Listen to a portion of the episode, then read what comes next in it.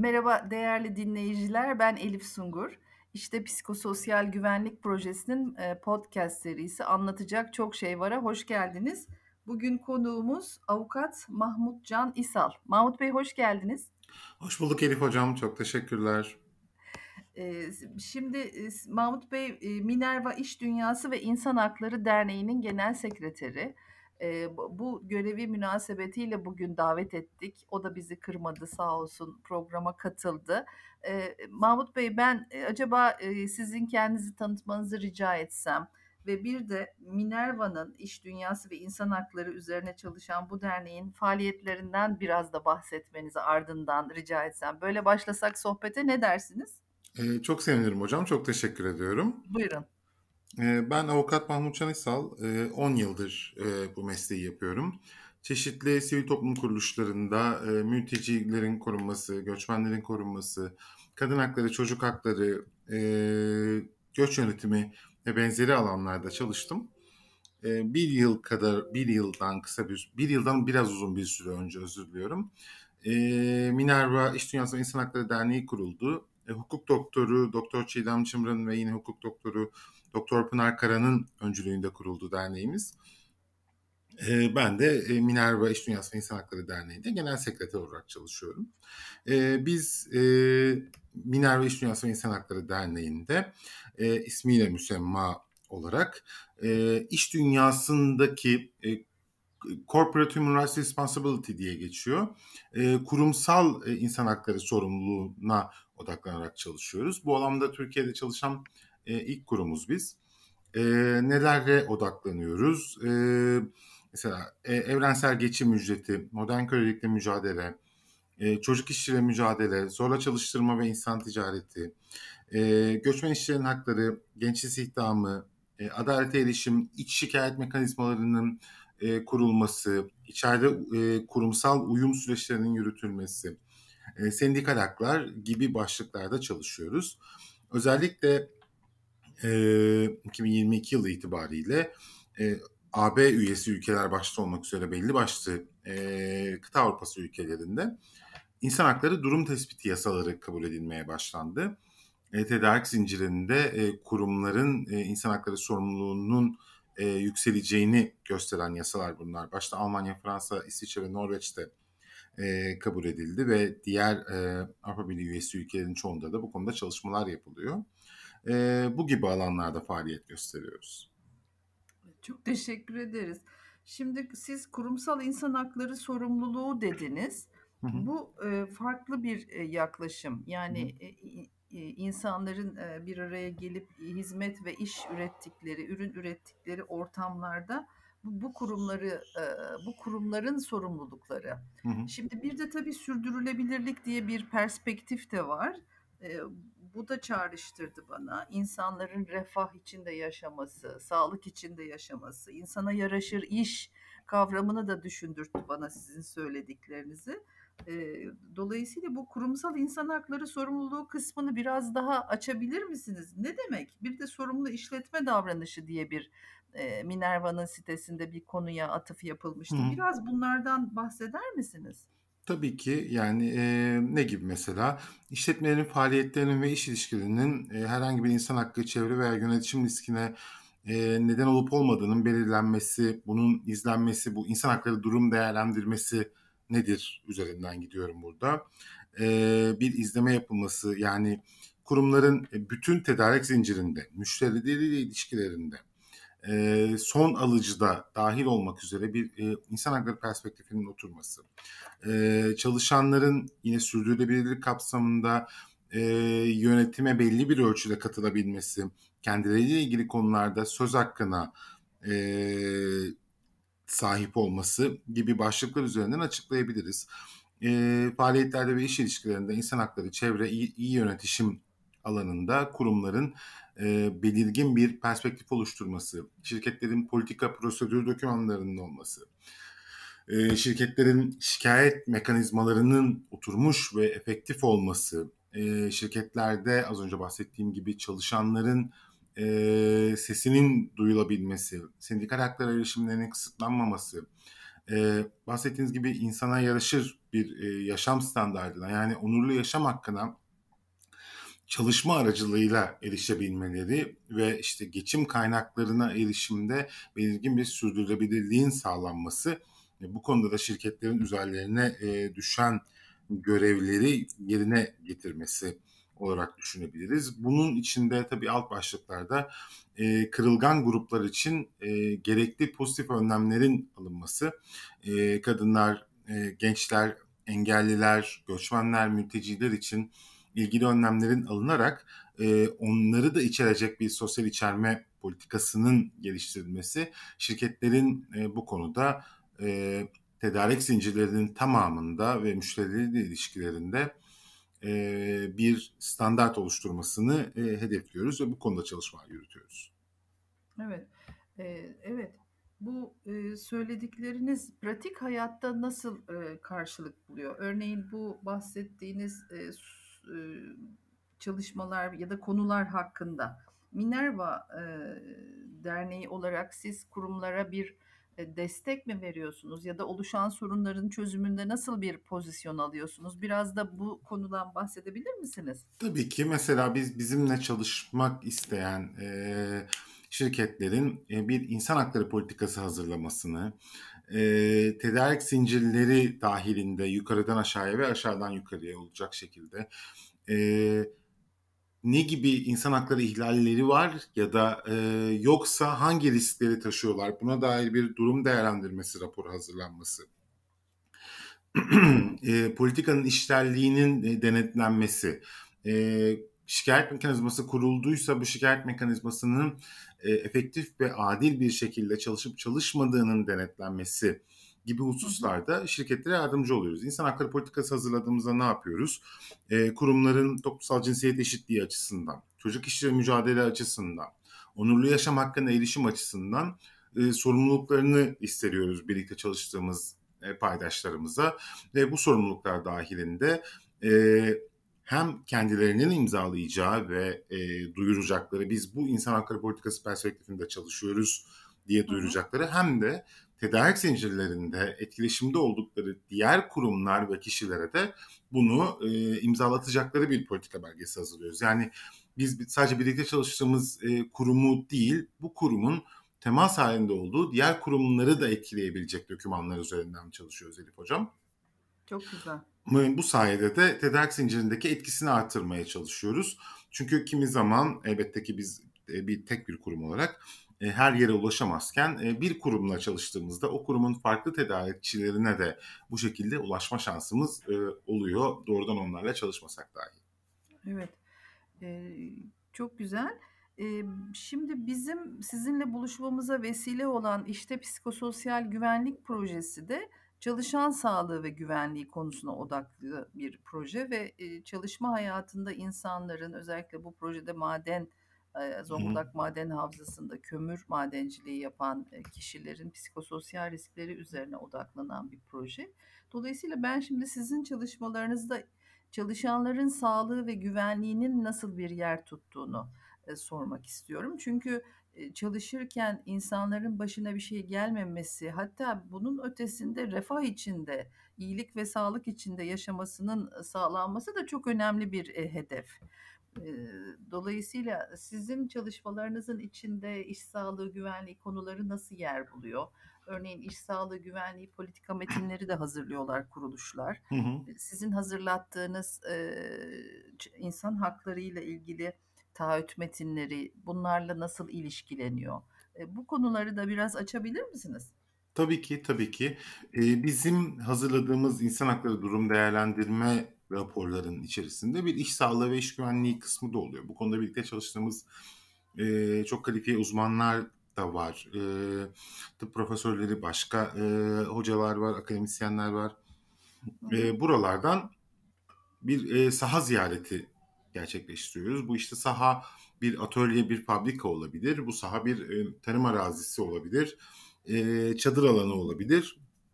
E, gibi ya da e, bir e, hizmet sektöründe çalışılan bir alan olabilir. Biz buralarda e, hem hukuki boyutlarıyla hem e, tıbbi boyutlarıyla hem de sosyal boyutlarıyla e, bir iş sağlığı güvenliği analizi yapıyoruz. Bu analiz ekseninde biz e, eksiklikleri sadece dediğim gibi e, hukukun bağlayıcılarının ötesinde burada bir e, onurlu yaşam hakkına erişim anlamında bunu söylüyoruz. Burada işte çadır alanlarında e, işverenin yükümlülüğü hukuken olmayacak şeyleri de biz yine listeleyerek raporluyoruz. Evet. E, çadır alanının yaşam koşullarına dair dair şeyleri ve e, burada bir e, işverene tavsiyeler sunuyoruz. Bunları bunları bunları iyileştirmeniz sizin iş sağlığı güvenliği uyumluluğunuzu artıracak ve e, insan hakları uyumunuza katkı sunacaktır şeklinde.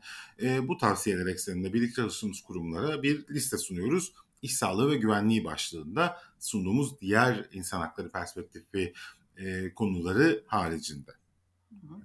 Dolayısıyla bütünsel bir perspektif oluşmasına da katkı sağlıyorsunuz aslında değil mi? Bir üst bakışla beraber aslında işletmenin birçok fonksiyonlarının daha iyi hale getirilmesi için bir üst bakış, bir belki koordinasyon gibi bile söyleyebileceğimiz bir yaklaşım sunmuş oluyorsunuz. Bu güzel bir şey çünkü iş sağlığı güvenliği ile ilgili örneğin benim de ilgi alanım, çalışma alanım orası odaklandığım yer son olarak yayınlanan ISO 45001 standardı da bir bağlamdan söz ediyor. Hı hı. İnsanların çalışırken kazaya belaya uğramaması için ve işlerini sağlıklı ve güven içinde insana yaraşır bir şekilde yapabilmeleri için bir bağlam var iş yerinde. Hı hı. Bu örgütsel faktörlerden etkileniyor, yöneticilerin tutumlarından etkileniyor ve iş yapan o iş sahipleri ya da işte girişimci kuruluş şirketin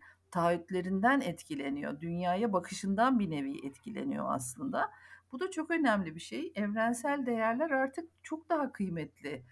Siz de Minerva'nın çalışma konularından bahsederken en başta örneğin evrensel geçim ücretine vurgu yaptınız. Hı hı benim de e, hatırımda e, Profesör Darren Acemoğlu'nun bir e, analizi geldi siz öyle deyince. E, Darren Hoca diyor ki 150 yıldır dünyada ücret gelirlerinde bir düşüş var. Dolayısıyla insanlar geçimle ilgili e, gitgide daha zor koşullar e, yaşıyorlar. Dolayısıyla e, sizin çalışma alanınızda bahsettiğiniz gibi e, üst bakışlara çok ihtiyaç var çalışma dünyasında gibi görülüyor. Tabii hocam. E, bunlar e, bu organizasyonların biri olan Minerva'nın da Türkiye'de olması bizi çok memnun ediyor açıkçası bu açıdan baktığımızda. E, sizinle nasıl bağlantı kuruyor kuruluşlar? Sizi nasıl buluyorlar? E, ya da ne zaman sizden destek istiyorlar? O, o, o mekanizma nasıl? Bir zorlayıcı şey var mı? Düzenleme var mı ya da bir e, bir standart e, bu konuda var mı? E, nasıl bir şey Tabii. var, düzenleme var? Bir de bunu soracağım. Tabii hocam. Şimdi e, yani buradaki zorlayıcı düzenleme zaten Türk hukukunda işte e, çocuk işiyle ilgili e, belir, belirlenmiş standartlar var. İş sağlığı güvenliği ile ilgili, e, asgari ücretle ilgili, e, çalışma saatleriyle ilgili, neslin tarımındaki kişilerin e, barınma koşulları olsun, e, sanayide çalışmanın koşulları olsun bunların zaten hukuki standartları var. Biz evet. e, yani e, Minerva'da yönetim ekibimiz ve e, çalışan ekibimizin çoğunluğu da dahil olmak üzere hukukçu olduğumuz için bunlara dair e, geniş bir e, tecrübemiz zaten bulunuyor hali hazırda. Ama bunun dışında bir de Türkiye'yi e, etkileyecek e, konuşmanın e, erken kısımlarında bahsettiğim Avrupa Birliği ülkeleri arasında ve Avrupa Birliği bir direktif de hazırlıyor buna dair insan hakları durum tespiti yasaları var. E, derneğimizin web sitesinde bundan e, buna dair bir yayınımız var zaten bir infografik hazırlamıştık buna dair. Avrupa genelinde şirketler için insan hakları durum tespiti yasaları ve yasama çalışmaları başlığıyla. E, kimi ülkelerde yasama çalışmaları tamamlandı, kimi ülkelerde e, henüz yasama çalışması devam ediyor. Kimi ülkelerde de sivil toplum aşamasında. Ancak buna dair bir hazırlığın e, özellikle e, çok uluslu şirketleri e, atıyorum X ülkesinde olsa ama Y ülkesine yasa geçse de Y ülkesindeki hissedarlarından dolayı etkileyebilecek yasa çalışmaları bunlar. Bunlar nedir? E, Türkiye gibi ihracatının çoğunun e, Avrupa'ya olduğu bir ülkede e, Türkiye'yi elbette etkiliyor. Tedarik zincirinin her aşamasında e, en yukarıdaki tier 1'deki aşama 1'deki şirketin sorumlu olduğunu söylüyor bu yasalar. E, evet. Mesela işte Almanya'da bir e, yasa geç, geçti, Fransa'da geçti, İsviçre'de geçti, Norveç'te geçti şu an için. Bir de Avrupa Birliği direktifi hazırlanıyor. Yani şunu söylüyor bu yasalar. Sen diyor görmesen de, gitmesen de eğer diyor e, bir X ülkede senin e, Y ürününün bir parçası üretiliyorsa ve bu üretim organizasyonu içerisinde bir insan hakları ihlali varsa, işte çocuk işçiliği, cinsel taciz ve sömürü, e, uzun çalışma saatleri, e, köleliğe benzer uygulamalar ve evet. benzeri hususlar varsa diyor bu yasama çalışmaları, ben seni burada kurumsal olarak sorumlu tutacağım diyor. Evet. Dolayısıyla sen diyor insan haklarını bütün tedarik zincirinde yaygınlaştırmalısın bütün tedarik zincirinde insan haklarının korunması için bir sorumluluk sahibisin. Eğer tespit edilirse bu sorumluluğun karşılığında bir cezai yaptırım öngörüyor. Ee, yüksek meblağlı para cezaları öngörüyor hem de bu iyi yasama çalışmaları. Ee, dolayısıyla Türkiye gibi dediğim gibi en büyük e, ticaret e, ihracat hacmi neredeyse Avrupa Birliği ülkelerine olan bir ülke için e, buradaki üreticiler açısından burada bir önem oluyor. Burada da bizim e, kurum yöneticileri olarak özellikle geçmişte e, bu alanda yaptığımız farklı çalışmalar var zaten. Bireysel, profesyonel, her ne kadar derneğimizi bir sene önce Temmuz 2021'de kurmuş olsak da bireysel olarak e, hepimizin e, işte Türkiye'deki farklı kurumlarla farklı deneyimleri bulunuyor. E, bu kurumlara verdiğimiz danışmanlıklar, bu kurumlarla sahada edindiğimiz tecrübeler bulunuyor. Ve bu şekilde bir e, tanınırlığımız var ve biz de bu alanda çalışan da tek kurum olduğumuz için e, bir şekilde e, konu dönüp dolaşıp bize ulaşmayı gerektiriyor ve bu sayede birkaç kurumla bu şekilde çalışıyoruz. Yani kısacası bu sorumlu işletme davranışı, bu bahsettiğiniz Avrupa ülkelerinde kabul eden, edilen bu yasalar e, uyarınca sorumlu işletme davranışı e, bir müteselsil bir şekilde isteniyor gibi anladım ben değil mi? Bütün hani işin içinde o işi o hizmeti, ürünü son kullanıcıya kadar giderken belki her şey olup biterken o silsile içindeki aslında herkesin e, dahil olduğu bir sorumluluk anlayışına evet. vurgu yapıyor. Evet. E, hukuk yoluyla da bunu yasa yoluyla da düzenliyor. E, evet hocam. Mu- muhtemelen biz yakında Avrupa Birliği'nin bütün üyeleri ve belki aday ülkeler bizlere de kapsayan yönü olacaktır. Ama ticaret içinde zaten olduğumuz e, için Türkiye Hı. için zaten bağlayıcı görünüyor oldukça. E, şeyi de sormak istiyorum e, Mahmut Bey size. Hı. Bu e, iş dünyasında eşitlik e, ve ayrımcılık konusunda sormak istiyorum. O konuda e, sizin çalışma alanınıza aslında giriyor. Evet. Bunlar son derece felsefi de yaklaşım isteyen de konular. Hemen böyle kısacık bir zamanda nasıl e, pürleştirebiliriz? Bir hukukçu gözüyle bunları nasıl ifade edebiliriz? E, anlatacak çok şey var dinleyenlere. Ne demek çalışma hayatında eşitlik ya da çalışma hayatında ayrımcılığa uğramak deyince mesela nasıl bir çerçeve? Hukuk bize ne söylüyor? Tabii ki yani e, Türk hukukunda e, ayrımcılık ve eşitlik ilkesi, ayrımcılıkla mücadele ve eşitlik ilkesi e, farklı başlıklarda düzenleniyor hocam. E, yani hem e, anayasamızda 10. madde e, işte herkes dil, ırk, renk, cinsiyet, siyasi düşünce, felsefe, inanç, din, nesep ve benzeri sebeplerle ayrım gözetmeksizin kanun önünde eşittir der. E, Avrupa İnsan Hakları Sözleşmesi e, madde 14 bu sözleşmede tanınan hak ve özgürlüklerden yararlanma, cinsiyet, ırk, renk, dil, din, siyasal veya diğer kanaatler, ulusal veya toplumsal köken, ulusal bir azınlığa aidiyet, servet, doğum daşlı olmak üzere herhangi bir başka duruma dayalı hiçbir ayrımcılık gözetilmeksizin sağlanmalıdır der. Burada sadece e, gördüğünüz gibi çok geniş kapsamda tutuluyor eşitlik. Evet. E, hatta madde 10 e, ucunda açık bırakıyor. E, eşitliğe aykırı olabilecek sebeplerin bugün öngörmediği ancak ortaya çıkabilecek şeyler olduğunu söyleyerek ve benzeri sebepler diyerek önünü açıyor e, eşitlik ilkesinin. E, ayrım gözetilebilecek sebeplerin tamamıyla tamamını bertaraf edebilmek adına. E, burada tabii ki sadece kurumların sorumluluğundan bahsedemiyoruz. Biz burada tabii ki en büyük sorumluluk e, kamuda ayrımcılıkla mücadele ve eşitlik ilkesinin gözetilmesi için. E, buna dair işte TİHEK, e, Türkiye İnsan Hakları ve Eşitlik Kurumu'nun kanununa e, bir e, madde konuyor. E, burada e, kurumların sorumluluğuna atıf yapıyor. Ayrımcılık yasağı bakımından sorumluluk altında olan gerçek ve özel tüzel kişileri diyor. Yetki alanları içerisinde bulunan konular bakımından ayrımcılığın tespiti, ortadan kaldırılması ve eşitliğin sağlanması için gerekli tedbirleri almakla yükümlüdür diyor Türkiye İnsan Hakları ve Eşitlik Kurumu Kanunu. Bir e, kurumsal insan hakları sorumluluğuna atıf yapan bir hukuk maddesi bu iş kanunundaki e, hükümler dışında yine iş kanununda da bir eşit davranma ilkesi var. Eşit davranma ilkesinde de az önce anayasa e, maddemizde saydığımız e, hükümlere atıf yapılıyor yine. Buradaki sayılan sebeplere atıf yapılıyor. Yine benzeri sebepler diyerek önü açık bırakılıyor. Bunlara dayalı bir ayrım yapılamayacağını söylüyor. Pratikte neler çıkıyor karşımıza peki e, eşit davranmama ve ayrımcılıkta? Evet. E, özellikle Türkiye'de mültecilerin çalışma çalışmaya, çalışma hayatına dahiliyetiyle birlikte bir e, ırkçılık sorunu maalesef karşımıza çıkıyor. E, fiziksel ayrımcılık e, iş hayatında karşımıza çok e, fazla çıkabiliyor. Bu nedir? E, engelleri sebebiyle kişilerin ayrımcılıklara uğraması, e, engelli kotalarının e, maalesef ki işverenler tarafından bence e, e, yani pozitif ayrımcılık açısından uygun bir hüküm bu e, ama işverenler tarafından göstermelik kullanılması, evet.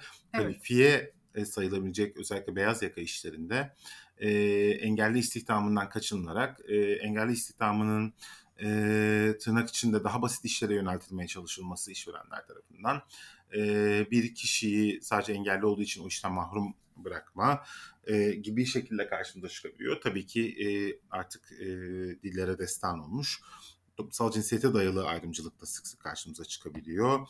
E, bir işe alım mülakatında e, bir kadına önümüzdeki işte 5 yıl gebe kalmayı düşünüyor musunuz gibi e, sorular sorulması şeklinde karşımıza çıkabiliyor. Bunu hala yazılı olarak bile sormaya e, cesaret edebilen işverenler var. Bunlar şikayet edildiğinde kesinlikle karşılık buluyor.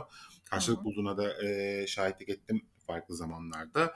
Ancak e, özellikle işte bu cam tavan ve yapışkan e, yer meselesi hı karşımıza çıkabiliyor. Kadınların e, hak ettikleri terfilerden e, mahrum bırakılmaları, söylediğim gibi az önce e, gebelik sebebiyle iş yerinde ayrımcılığa uğramaları, daha işe alınmadan bunların sorulması. Yine kadınlara evlenmeyi düşünüyor musunuz bir, bir, şu kadar yıl içinde? Eğer evlense şu kadar yıl içinde çocuk yapmayı düşünüyor musunuz? Ya da çocuğu varsa e zaten çocuğunuz var nasıl iş seyahatine katılacaksınız? gibi e, soruların sorulması ayrımcılığın hani kitabi tanımları olarak karşımıza çıkabiliyor. Bunun dışında e, yani bir e, ayrımcılık e, olarak bunu e, net olarak ifade etmiyor olsak da cinsel taciz ve sömürü e, iş yerlerinde karşımıza çok sık çıkabiliyor. Bu e, hem e, çok nitelikli e, kurumsal firmalarda karşımıza çıkabiliyor. Hem de e, tırnak içinde merdiven altı dediğimiz işletmelerde karşımıza çıkabiliyor. Bunlarla birlikte yine göçmen işçilerin ve mülteci işçilerin e, süreçlere dahil olmasıyla birlikte zorla çalıştırma yasağının ihlali, e, kölelik benzeri uygulamaların e, yaygınlaşması, işte pasaporta el koyma ve benzeri hususlar karşımıza iş dünyasında insan haklarının ihlali olarak çıkabiliyor. E, güvenceli çalışmada büyük bir sorun var. Burada ayrımcılığı yine tekrardan gözlemleyebiliyoruz. E, yabancı işçiler güvenceli çalışma hakkından mahrum bırakılıyor çoğu zaman e, Türkiye'de e, çalışma hayat, çalışma yaşamında olan mesela Suriyelilerin yalnızca 70 bin civarı, 2 milyon civarı insandan 70-80 bin civarı çalışma izniyle Türkiye'de çalışıyor. Geri kalanı bir e, sosyal güvenceden mahrum olarak çalışa, çalışmak zorunda kalıyorlar. E, halbuki çalışma hakkı e, Türk Anayasası'nda herkese eşit şekilde tanınmış bir haktır. Çalışma hakkında bir ayrıma gidilemez. Kişiler e, kadın olduğu için, e, engelli olduğu için, e, belli bir etnik ya da dini kökenden geldiği için e, iş sahibi olmaktan mahrum bırakılamaz. Buna dair de mücadelenin sürmesi gerekiyor. E, eğer hocam isterseniz birkaç tane de hani neler yap yapmak gerekir hukukçu olarak da söyleyebilirim. Evet, isteyeceğiz onları. Yani şunları, eee, duydum sizi dikkatle dinlerken.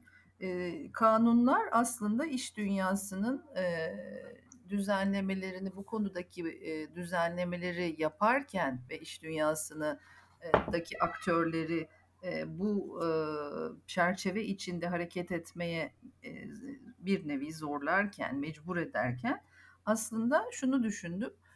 Kültür de böyle değişiyor değil mi? Yani Tabii.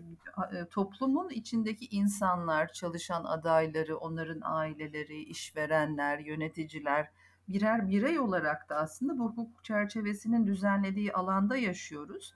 Tabii. Ve bu düzenlemeler örneğin kurumsal insan hakları sorumluluğu denen bu kavramın artık yerleşmesi kanunlar yoluyla da e, girmesi hayata, işletme hayatına bireylerin davranışlarını da düzenliyor.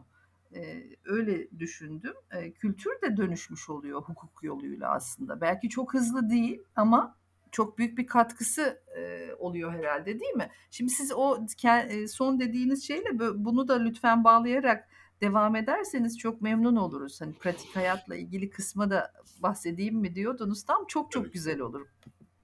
Tabii hocam çok teşekkür ediyorum.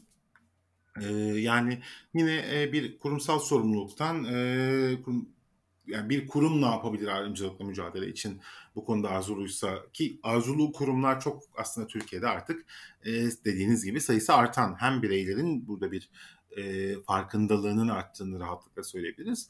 E, kurumlar arasında da e, ben hani iş yerimde mücadele etmek istiyorum ayrımcılıkla diyenler var. E, önce onların neler yapabileceği üzerinden biraz bahsedip daha sonra e, bu farkındalıkla birlikte bizim ne yollarımız vardan bahsedebilirim dilerseniz. Lütfen çok memnun oluruz. Tamamdır. Ee, yani bir şekilde bu en başta bahsettiğimiz e, politikaların oturtulması ve bu politikaların içerisinde e, oturmuş, düzenli, eşit ve adil işleyen bir şikayet ve denetim mekanizması içeride e, kesinlikle etkili olacaktır. Bunu uygulayan e, Türkiye'de muhkim çok uluslu şirketler bunun verimini kesinlikle alıyorlar. E, çalışanların e, aktif bir şekilde kullanabildiği rahat bir şekilde erişebildiği ve e, anonim olarak e, orada yer alabildiği bir şikayet ve denetim mekanizması e, iş yerindeki ayrımcılığın gerçekten e, azaltıldığını farklı araştırmalarda bunu söylüyor, bize gösteriyor. Bu e, şikayet yönetim mekanizmasının tabii ki bir de e, yani altyapısının olması lazım. Bunlar da e, politikalar. Bu politikalarda neler olabilir? E, şiddet ve e, cinsel tacize mücadele için bir politika olmalı. İş sağlığı güvenliği zaten hukuki bir zorunluluk. E, eşit işe eşit ücret politikasının geliştirilmesi, çevre politikaları, ayrımcılık yasağını içeren politikalar, e, iş yerinde düzenli e, eğitimler, kurum içi eğitimler bu konuda, işte toplumsal cinsiyet eşitliğini anlatacak eğitimler, engelli haklarını anlatacak eğitimler, e, yabancı düşmanlığıyla mücadele edecek eğitimler, Ondan sonra tedarik zincirindeki sorumluluğu anlatacak eğitimler, e, kurum içi eğitimlerin çok faydalı olduğunu kesinlikle görüyoruz. E, insan hakları izleme araçlarının geliştirilmesi. Yani e, kurum kendini denetlemeli burada. E, bu denetimlerde de kendine bir hedef koyup ve bu hedeflere ulaşıp ulaşmadığını insan hakları açısından düzenli olarak gözlemlemeli. Biz işte e, kadın istihdamını destekleyebildik mi? E, iş yerinde ayrımcılıkla mücadele edebildik mi? Şikayet geçen sene ne kadar almıştık, bu sene ne kadar almayı hedefliyorduk, buradaki fark nedir? Bunları düzenli bir şekilde e, izlemesi gerekir ve e, en başta da söylediğim e, çalışanların seslerinin duyulması. Bunun için de çalışan komitelerinin e, kurulması faydalı olacaktır. E, kurumun yapısına göre işte kadın komiteleri kurulabilir, gençlik komiteleri kurulabilir. E, çalışan sayısına göre yine engelli ya da e, göçmen komiteleri iş yerinde kurulabilir. Bunların e, faydalı dönütler sağladığı ayrımcılıkla mücadelede, kurum içi mücadelede e, etkili sonuçlar doğurduğunu farklı şekillerde gözlemleyebildik. Bunlar e, kurumların e, e, aktif mücadeleleriyle ortaya çıkacaktır. Bunları yapan ve başarılı sonuçlar alan kurumlarda hem Türkiye'de hem dünyada mevcut tabii ki. E, bununla birlikte e, neler başka yapılabilir? E, biz ayrımcılıktan muzdarip olduğumuzu düşünüyorsak e, öncelikle tabii ki hukuk yolları e, elimizde. Bunlarda hem dava yolları var hem dava dışı yollar var başvurabileceğimiz. E, TİHEK kanunundan bahsettim en başta. Türkiye İnsan Hakları ve Eşitlik Kurumu. Bir e, yargı dışı uyuşmazlık çözüm yoludur Türkiye İnsan Hakları ve Eşitlik Kurumu. Ve e, e, mesela iş yerinde ayrımcılık e, TİEK'in çalışma alanlarından biridir. E, ayrımcılıkla mücadele TİEK'in çalışma alanlarından biridir. İşte bir tek sadece bu e, az önce bahsettiğim iş yerinde ayrımcılık değil atıyorum. Bekara ev vermeme konusunda da karar verir e, TİEK. TİEK'e başvurular evet. e, faydalı olabilecektir. E, tabii ki dava yolları her zaman faydalı olacaktır. E, Ombudsmanlığa, Kamu Denetçiliği Kurumu'na, e, Sosyal Güvenlik Kurumu'na başvurular e, yapılması faydalı olacaktır. E, bu dediğim gibi bunlar da artık bireylerin kendi başlarına e, yapabileceği şeylerdir. Bir de tabii ki e, e, kamusal olarak yasamanın e, yapması gereken şeyler de var burada. E, az önce bahsettiğimiz tedarik zincirinde e, ki denetimlerin e, arttırılması kamu gücü tarafından e, yani e, güvenceli çalışmayla ilgili denetimlerin artırılması. Evet. E, cinsiyet eşitliğine dair e, ya da işte engelli haklarına dair, çocuk işle mücadele dair e, oturmaya başlamış yasalarımız ve e, mevzuatımız var. Bunun takibinin, denetiminin yapılması, e, değişmesi gereken tabii ayrımcılıkla mücadele açısından hukuk normlarımız da var. İşte e, ebeveynlik izninin düzenlenmesi kesinlikle gerekiyor toplumsal cinsiyet eşitliği açısından. E, özel sektörde e, yalnızca 5 gün e, bir babalık izni var. Evet. E, bu çok kısa ve toplumsal cinsiyet eşitsizliğini e, ortaya koyan bir e, husus. E, gebelik durumda ayrımcılığa dair e, yasanın yeterince izlenmesi, daha sık izlenmesi gerekir. Evlilik tazminatı başlıklı bir hüküm, hükümümüz var bizim. E, evlenen kadının tazminat alarak işten ayrılabilmesini sağlıyor. E, burada da ciddi bir toplumsal cinsiyet eşitliği sorunu ortaya çıkıyor. E, yine saha gözlemlerimiz şunu söylüyor. Evlenen kadınların e, tazminatını alması için eşten baskı gördüğü istifa etmesi yönünde e, gibi şeyler e, sahada gözlemlenebiliyor. Buna dair bir toplumsal cinsiyet eşitliğini içerecek bir düzenleme e, yapılması gerekir diye düşünüyorum. E, bunlar da kamusal sorumluluklar olarak e, aklımda olabilir. Bir de sosyal olarak e, ne yapılır? E, sosyal olarak bu konularda e, çalışan e, sivil toplum kuruluşları var. Yalnızca Minerva İş Dünyası İnsan Hakları değil. E, farklı sivil toplum kuruluşları da var. Ayrımcılıkla mücadelede çalışan, e, geçim kaynaklarına erişim destekleyen. Evet. E, Hocam çok uzun konuştum özür diliyorum. Yo yo estağfurullah lütfen devam edin. Ee, yani bir sivil toplum özel sektör kamu üçgeninde e, bir işbirliğinin e, faydalı olacağını düşünüyorum. E, iş dünyasında insan haklarının gelişebilmesi, ayrımcılıkla mücadele edilmesi ve eşitliğe erişilebilmesi için e, insana yakışır iş imkanları sağlanmalı. Sosyal içerme politikaları içerecek şekilde düzenlemeler ve projeler yapılmalı. E, dezavantajlı ve kırılgan gruplarla çalışılırken yani çok keskin bir şekilde bunu rahatlıkla söyleyebilirim. Üstenci bakışlardan kaçınılmalı. Karşımızdaki grubun e, kırılganlıklarına değil, birlikte çalıştığımız grubun kırılganlıklarına değil, e, güçlü yönlerine odaklanarak bütün bu projeler ve çalışmaların yürütülmesi e, gerekir e, diye düşünüyorum e, ve e, burada birazcık da sözü size bırakmak istedim.